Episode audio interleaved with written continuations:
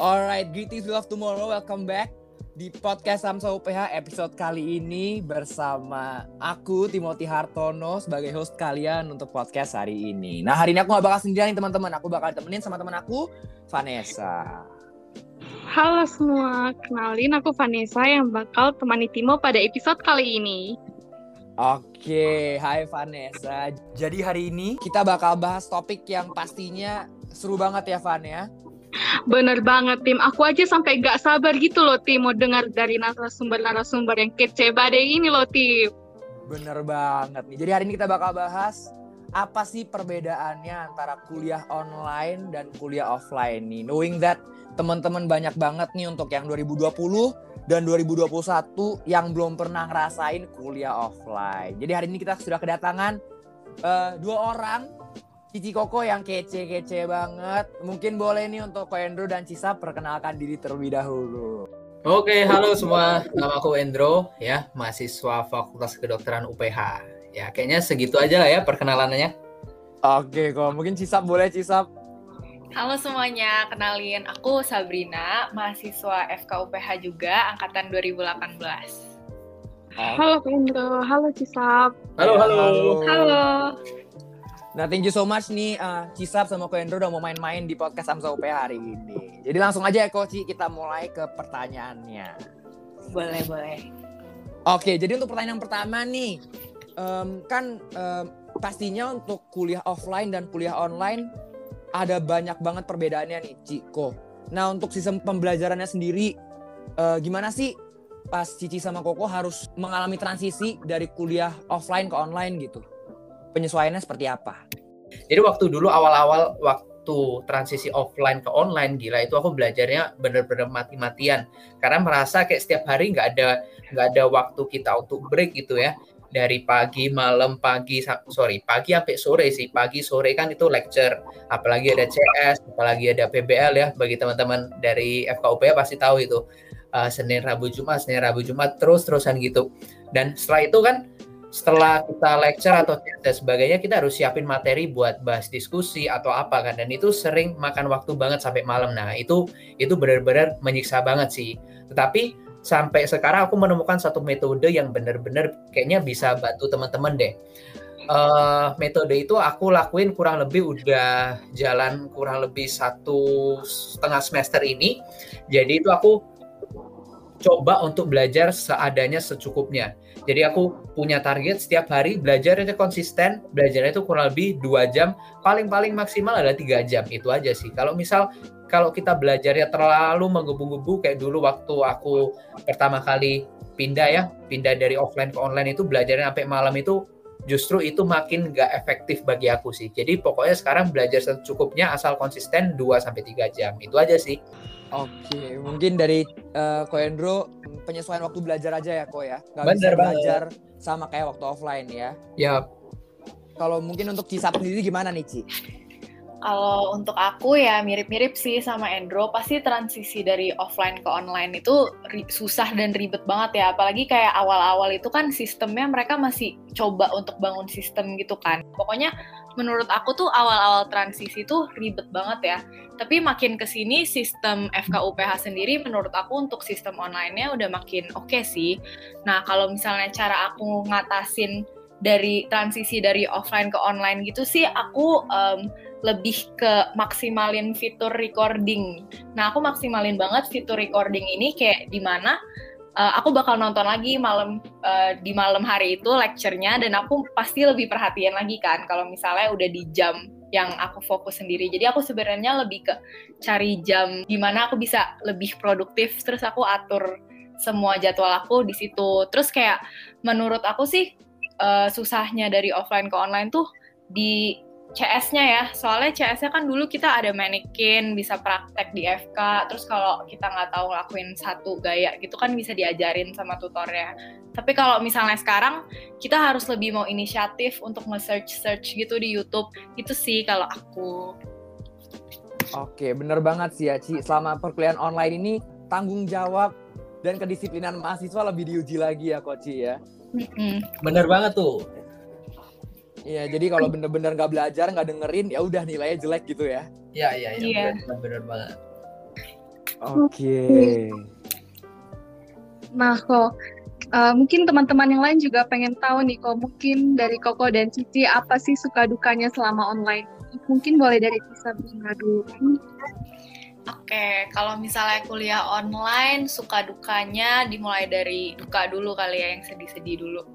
Um, kalau menurut aku sih kuliah online tuh ya yang paling sedih sih ya nggak bisa ketemu temen-temen gitu kan. Biasanya kalau kita offline ya bisa duduk di lecture bareng teman-teman, terus kayak kalau misalnya break ke kantin bareng. Terus menurut aku juga ya dukanya semua kegiatan organisasi tuh yang seru-seru yang kayak um, ada student orientation lah atau kita lagi mau penyuluhan ke mana kayak di AMSA kan banyak banget tuh bikin uh, penyuluhan-penyuluhan. Itu semua harus dilakuin secara online dan kita nggak turun langsung gitu ke masyarakat. Jadi menurut aku itu salah satu hal yang disayangkan banget di kuliah online. Terus um, ditambah lagi UKM tuh jadi online semua kan. Biasanya kayak kita kalau offline uh, bisa kumpul-kumpul gitu. Misalnya kayak yang UKM futsal atau basket bisa main bareng terus bisa ikut tanding sini sana tapi kan karena online tuh kayak nggak bisa ya. Terus uh, menurut aku sih dukanya ya kita nggak ngerasain vibes kuliah gitu loh. Yang kayak kita bangun pagi kita OTW FK terus kayak misalnya kita bisa belajar di perpus atau misalnya di sekitar Karawaci terus kita pakai kemeja gitu kan. Biasanya kalau FK identik banget tuh dengan kemeja. Sama ya makan siang di kantin. Bahkan sampai kayak naik lift FK pun itu bisa dikangenin sebenarnya kalau misalnya udah kelamaan online. Um, tapi kalau misalnya sukanya ya uh, dikit sih sebenarnya dibanding dukanya. Cuman kayak kalau harus dilihat sisi positifnya sukanya tuh um, ya kita pasti lebih banyak waktu luang gitu. Kita pasti jadi time managementnya ya lebih gampang gitu kan. Kita nggak harus ngabisin waktu di jalan ke FK. Jadi kita bisa bener-bener pakai satu hari full untuk ngelakuin hal-hal um, yang emang kita harus lakuin. Terus kita juga pasti ada lebih banyak waktu juga kan sama keluarga di rumah. Kalau misalnya di FK kan banyak tuh teman-teman kita. Terus aku pun sendiri juga kayak ngekos. Pulang ya kalau misalnya sempet seminggu sekali. Tapi kalau nggak sempet ya bisa dua minggu sekali sekali jadi uh, waktu sama keluarganya juga lebih dikit terus suka yang terakhir ya yang sebenarnya juga rada ambigu sih itu kayak uh, ujian jadi nggak sedek-dekan itu sih menurut aku. Gimana, Andro? Kita udah ngalamin nih oski offline-nya nggak yang kayak Wah, setuju banget, setuju banget. nunggu bel gitu kan, itu deg-degan banget. Tapi kayak kalau online kan nggak sedek-dekan itu ya, walaupun tetap deg-degan. Itu sih kalau dari aku. Kalau dari aku ya, kalau tadi Sabrina kan bilang kalau misal deg-degan itu deg-degan deg-degan itu harusnya kayak tuh oski atau apa itu bisa dihindari nih waktu waktu apa waktu online ini. Tapi itu kayaknya menurutku bukan jadi kesukaan deh, menurutku itu menjadi ke, itu jadi duka deh. Karena apa? Karena kita nih sebagai mahasiswa kedokteran semua semua ya ada Timothy di sini ada Vanessa ada Sabrina justru hal-hal itu yang harusnya kita lewati nih Setuju nggak? Jadi waktu Setuju. kita benar-benar deg-degan, benar-benar nggak tahu jawabannya apa, di situ memang kita diujinya di situ. Dan menurutku juga ada dukanya lain ya. Aku sama sih sama kayak Sabrina tadi. Uh, yang pertama memang CS dan lain sebagainya ya. Kita itu dokter itu memang dilatih bukan hanya sekedar based on teori ya. Setuju ya semua ya. Tapi kan juga harus ada soft skillnya juga gitu. Nah soft skillnya itu benar-benar tidak terlatih dengan baik Terus kalau sukanya sih selama uh, kuliah online ya, secara akademik juga menurutku bahkan nggak ada sih sukanya selama online karena jujur aja uh, materi-materi penyerapannya memang jauh lebih berkurang. Terus interaksi teman jauh lebih berkurang. Kayaknya nggak ada sukanya deh selama selama kuliah online. Tapi memang sukanya di luar akademik nih. Contohnya yaitu aku setuju juga sama Sabrina. Uh, bisa kumpul sama keluarga lebih lagi apalagi aku ke Jakarta atau ke Tangerang itu memang rantau ya. Kelihatlah dari logatku sendiri kan. Habis itu juga living cost mungkin living cost aku bisa uh, pangkas itu udah udah jauh lebih berkurang lah daripada waktu aku pribadi di Jakarta atau Tangerang. Itu aja sih sukanya. Oke. Sayang banget ya Van kita belum bisa ngerasain kuliah offline nih sebenarnya. Mudah-mudahan amin Januari kita offline ya. Amin. Amin. Amin. Oke, pertanyaan berikutnya nih, Ciko. Kan sekarang online. As we all know, kita di rumah terus nih, 24-7, nggak bisa ke mana-mana juga. Biasanya ujian terbesar adalah uh, pulau kapuk kita masing-masing atau kasur kita masing-masing dan handphone kita nih gitu kan. Wah, setuju banget tuh. Bener, bener, bener, bener. Biasanya pagi-pagi nih gravitasi kasur tuh jadi tiga kali lipat lebih besar gitu kan. Bener, berat banget apalagi. Iya. ya. Nah, pertanyaannya adalah gimana caranya Cici Koko tetap fokus sama pelajaran meskipun godaan setannya tuh di mana-mana gitu. Wah, boleh, boleh. Coba Mungkin- dulu yang jawab nih. Ya, boleh tadi kan Cisap duluan, sekarang kok Andrew duluan boleh. Oke, ini menurutku ya, menurutku pribadi ya teman-teman ya. Kalau godaan kasur, jadi dulu waktu aku awal-awal online nih, eh metodku salah nih teman-teman. Jadi dulu aku ini belajarnya itu di dalam kamar. Kalau belajar di dalam kamar itu memang cenderung sering apa baring dan sebagainya, walaupun nggak ngantuk loh ya. Tapi itu sering membawa kita ke kasur kita meluguling dan lain sebagainya dan akhirnya memang benar-benar tidur gitu. Dan itu memang salah gitu. Nah mungkin ini sedikit tips juga buat teman-teman yang selama ini online atau teman-teman baru yang online. eh kalian pindah deh dari kamar. Kalau ada ruangan lain dipakai, dipakai aja. Kayak aku sekarang pakai ruangan yang benar-benar baru, baru terbentuk lah istilah dulu ini ruangan nggak pernah dipakai. Jadi ini baru aku bentuk selama online ini. Jadi ruangannya kecil banget nih, kurang lebih satu setengah sampai 2 meter lah. Itu tempat aku belajar gitu. Bahkan sampai sekarang keluarga atau teman-teman yang datang itu lihat ini adalah tempat belajar baru yang sebelumnya ruangan ini bukan apa-apa gitu. Kalau memang kita belajar di kamar itu memang agak susah sih. Terus mungkin godaan kedua apa ya HP ya. Kalau mungkin kalau aku pribadi ya kalau HP memang eh, aku jujur aja juga kadang main-main dikit lah waktu memang eh, dosennya udah bilang misal sudah sejam atau sejam setengah kadang kita bosen gitu kalau duduk terus kadang eh, ada main dan lain sebagainya tapi aku sadar kayak aku nggak kayak dulu gitu dulu itu parah banget dosen dosen apa ngajar main HP off cam dan lain sebagainya nah tips, tips dan trikku cuma hindari HP itu dekat dengan kamu atau kalau enggak kalau biasa aku pernah juga di kamar aku taruh HP itu di bawah bantal itu aja sih kalau enggak memang susah Oke. Berarti balik lagi ke self control kita masing-masing ya kok ya. bener banget Boleh, boleh. Oke lanjut mungkin dari Cisap. Kok Cisap gimana nih Ci? Eh, aku juga sebenarnya sama sih ya kayak Edro. Aku um, suggest kalian semua tuh kalau misalnya lagi kuliah online atau bahkan kalau lagi nugas jangan pernah di kasur karena kayak yang sebenarnya tadinya nggak ngantuk itu bisa tiba-tiba jadi ngantuk aja. Apalagi kalau kelas pagi jam 7, jam 8, jam 9 itu kan kayak bawaannya masih pengen tidur banget ya. Jadi kalau misalnya kita di kasur itu udah fix banget sih kalau aku ketiduran. Jadi eh, sebenarnya kalau kalian nggak ada ruang lain yang bisa kalian tempatin untuk kuliah, saran aku sih ya kalian jangan tiduran di kasur. Kalian kalau bisa nyari meja gitu di kamar, bisa pakai meja rias atau meja belajar. Terus kalian duduk eh, bener-bener kayak ya udah kayak lagi kuliah aja. Terus em, sama aku juga setuju sama Endro kalau misalnya untuk HP tuh eh, aku jauhin gitulah biasanya em, aku bahkan ngecas HP ku di tempat yang emang kayak jauh gitu dari tempat aku belajar. Jadi ya aku juga males gitu kan gerak ngambil HP aku.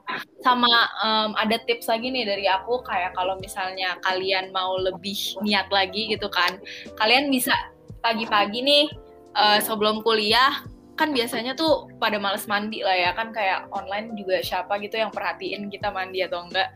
Tapi kayak menurut aku salah satu cara fokus ya kalian sebelum kelas kalian bisa man- mandi dulu. Terus kalau misalnya untuk cewek-cewek nih kalau kalian niat bisa juga dandan dulu. Terus kalau mau bisa juga pakai kemeja gitu. Pokoknya biar vibes-nya tetap vibes kuliah dan biar kalian belajarnya juga lebih niat lagi Oke, bener banget sih, setuju. Tadi salah satu kata-kata Cisap, bangun pagi mandi, luar biasa ya. Lumayan itu ya, susahnya mandi di pagi hari, apalagi nggak ke mana-mana. Oke, berarti bener banget sih Ci. Harus membangun suasana seperti kayak di kampus juga ya, supaya lebih niat belajarnya Ci berarti ya. benar-benar Untuk pertanyaan berikutnya nih, Ciko. Kan Cici sama Koko salah satu ma- mahasiswa-mahasiswa aktif FKUPH nih. Asik. Kan banyak banget organisasinya. Eh, aku mau tahu nih, eh, Ciko gimana caranya Cici sama Koko bagi waktu antara akademik, organisasi, sama kegiatan lain-lainnya mungkin eh, waktu sama pacar dan lain-lain gitu gimana nih Cici Koko? Mungkin dari Ko Andrew dulu boleh deh Ko. Wah, dari aku dulu ya. Padahal nih organisasi yang lebih banyak nih Sabrina nih, tapi nggak apa-apa nih. Eh, aku kasih tips-tips dikit aja ya, sekiranya gimana sih. Nah, kalau misal teman-teman yang uh, angkatan-angkatan baru nih ya, kalau mau ambil satu organisasi itu harus punya komitmen. Yang pertama memang harus ada harga yang harus dibayar nih teman-teman, harus extra mile dan nggak boleh malas-malasan itu udah pasti. Nah itu memang harus punya apa ya uh, tekad sendiri lah untuk membagi waktu gitu ya.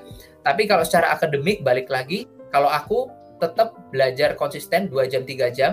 Kalau organisasi jangan ikut banyak-banyak nih.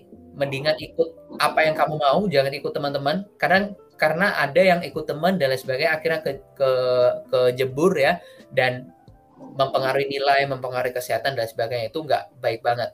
Tapi yang terakhir, aku juga punya waktu khusus untuk keluarga. Jadi aku sekarang hari Minggu sama setengah hari Sabtu jadi setengah setengah hari Sabtu, ya betul. Setengah hari Sabtu sama Minggu aku benar-benar kasih waktuku buat keluarga. Mungkin uh, Sabrina nih jauh lebih ngerti nih organisasi karena dia kayaknya organisasinya banyak banget ya Sab ya. uh, lumayan lah, tapi nggak sebanyak itu. Kalau misalnya aku um, buat diri aku sendiri tuh ya sama sih kayak yang Endro bilang ya kalau misalnya kamu udah mau masuk suatu organisasi ya kamu tuh harus pastiin diri kamu tuh udah siap untuk komitmen tambahan istilahnya jadi kayak kamu tuh nggak bisa cuman fokus di akademik kamu juga harus megang jabatan di organisasi itu nah gimana gimana cara aku personally bagi waktu di organisasi-organisasi teman keluarga sama uh, kayak akademik aku tuh biasanya setiap hari bikin to do list. Jadi kayak misalnya uh, hari ini aku mau ngapain, besok aku mau ngapain, dan to do list aku itu biasanya aku um, urutin berdasarkan prioritas. Jadi misalnya uh, besok nih mau ada acara apa kayak misalnya besok mau ada acara penyuluhan AMSA terus aku PIC-nya uh, eh, acara aku harus bikin PPT penyuluhan ya karena penyuluhannya udah besok ya pasti to do list aku hari ini prioritasnya nyelesain PPT AMSA dulu. Beda lagi kalau misalnya kita lagi ngomongin di minggu ujian nih, kayak misalnya kita mau udah di akhir blok, mau minggu ujian, ya pasti prioritas aku to do list ya belajar, selesaiin materi hari itu. Terus aku ya kalau misalnya untuk time management itu sebenarnya um, mau nggak mau sih hmm, ya kita nggak boleh procrastinate. Padahal aku tahu banget tuh kita semua pasti pasti pasti pasti suka suka banget yang namanya procrastinate. Tapi kalau misalnya kita udah mau masuk organisasi mau nilai kita tetap bagus mau tetap punya jam tidur yang cukup gitu kan kita nggak mau tidur dua jam tiga jam per hari itu itu kita mau nggak mau harus nyoba semaksimal mungkin untuk nyelesain semua tugas kita itu secepatnya jadi kayak misalnya di hari itu kita baru dapat tugas apa, um, biasanya ya kalau misalnya kalian lagi ada waktu gabut, jangan kalian pakai untuk tidur tiduran, scroll insta, itu kalian langsung duduk aja kerjain gitu um, tugas hari itu.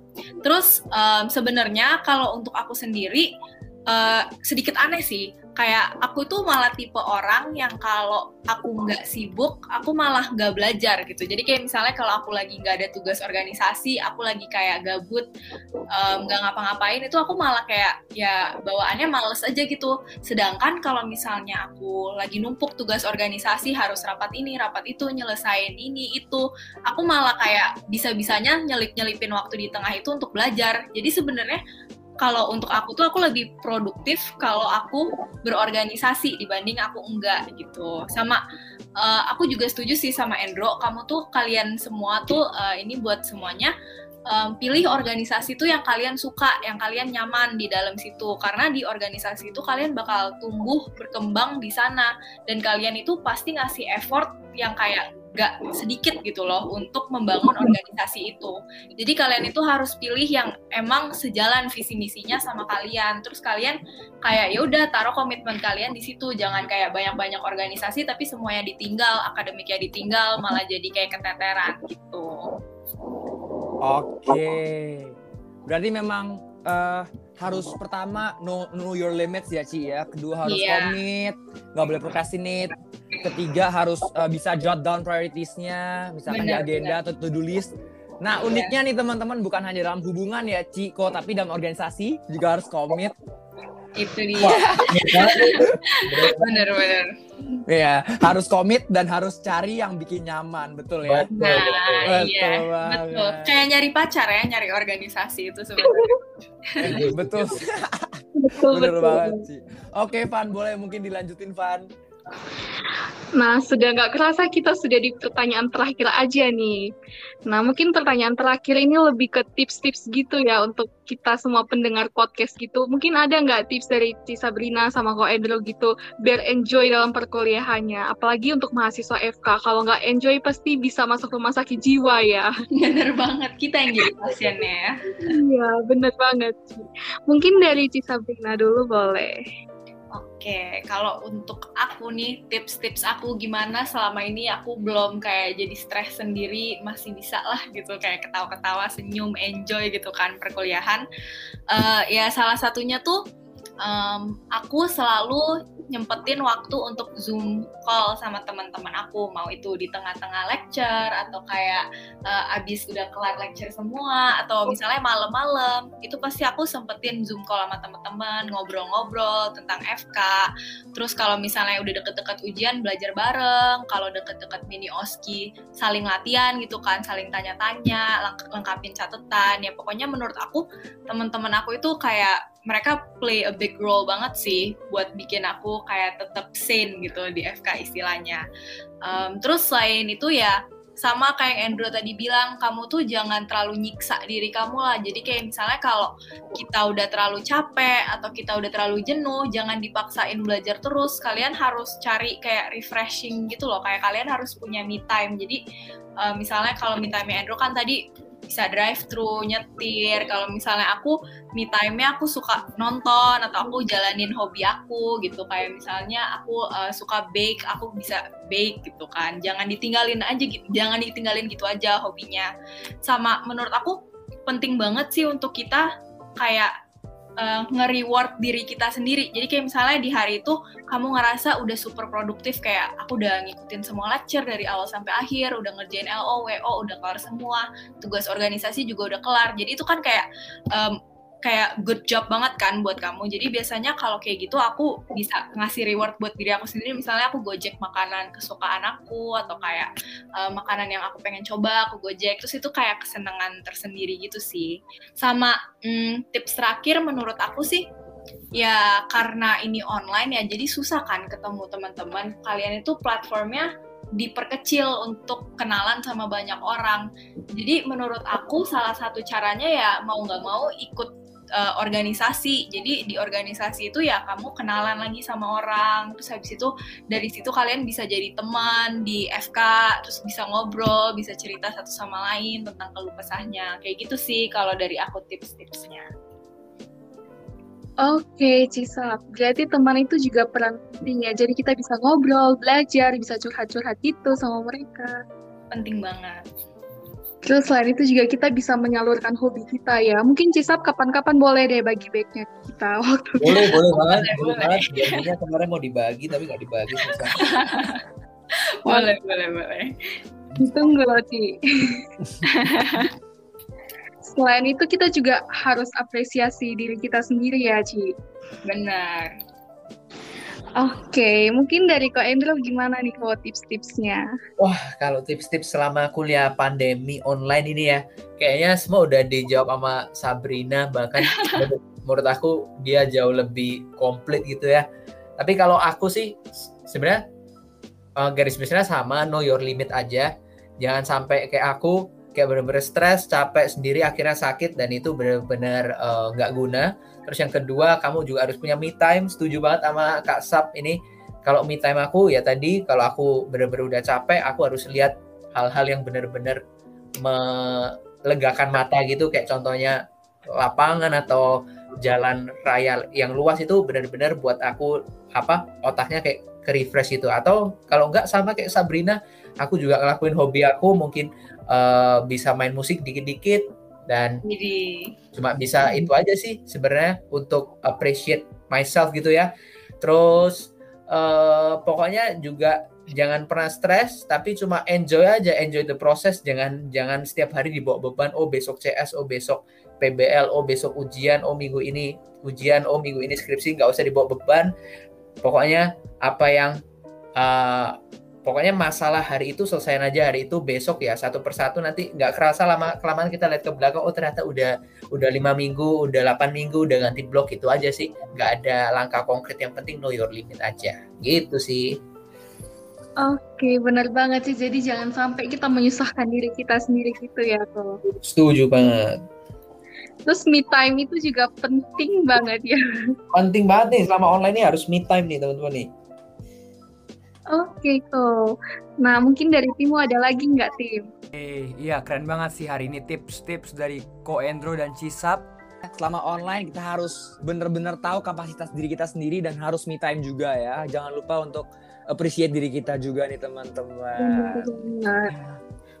Oke, eh, itu aja sih yang mau kita omongin. Eh, Cisap, Ko Endro hari ini thank you so much udah mau main-main nih ke podcast Amsa UPH. Makasih. Timo sama Vanessa thank you, thank you, Timo. Vanessa. Thank you Amsa UPH. Iya keren keren keren banget nih tips-tipsnya. Nah buat teman-teman juga for you listeners jangan lupa terus buat check out our podcast di Spotify. Kalian bisa cari aja Amsa UPH nanti kalian bisa dengerin podcast-podcast kita yang lain. Kayaknya itu aja sih dari kita hari ini teman-teman. Thank you so much sekali lagi buat Cisap dan Koendro. Thank you so much juga buat teman-teman yang sudah mendengarkan. Aku Timo. Dan aku Vanessa. Pamit undur diri and see you guys on our next episode.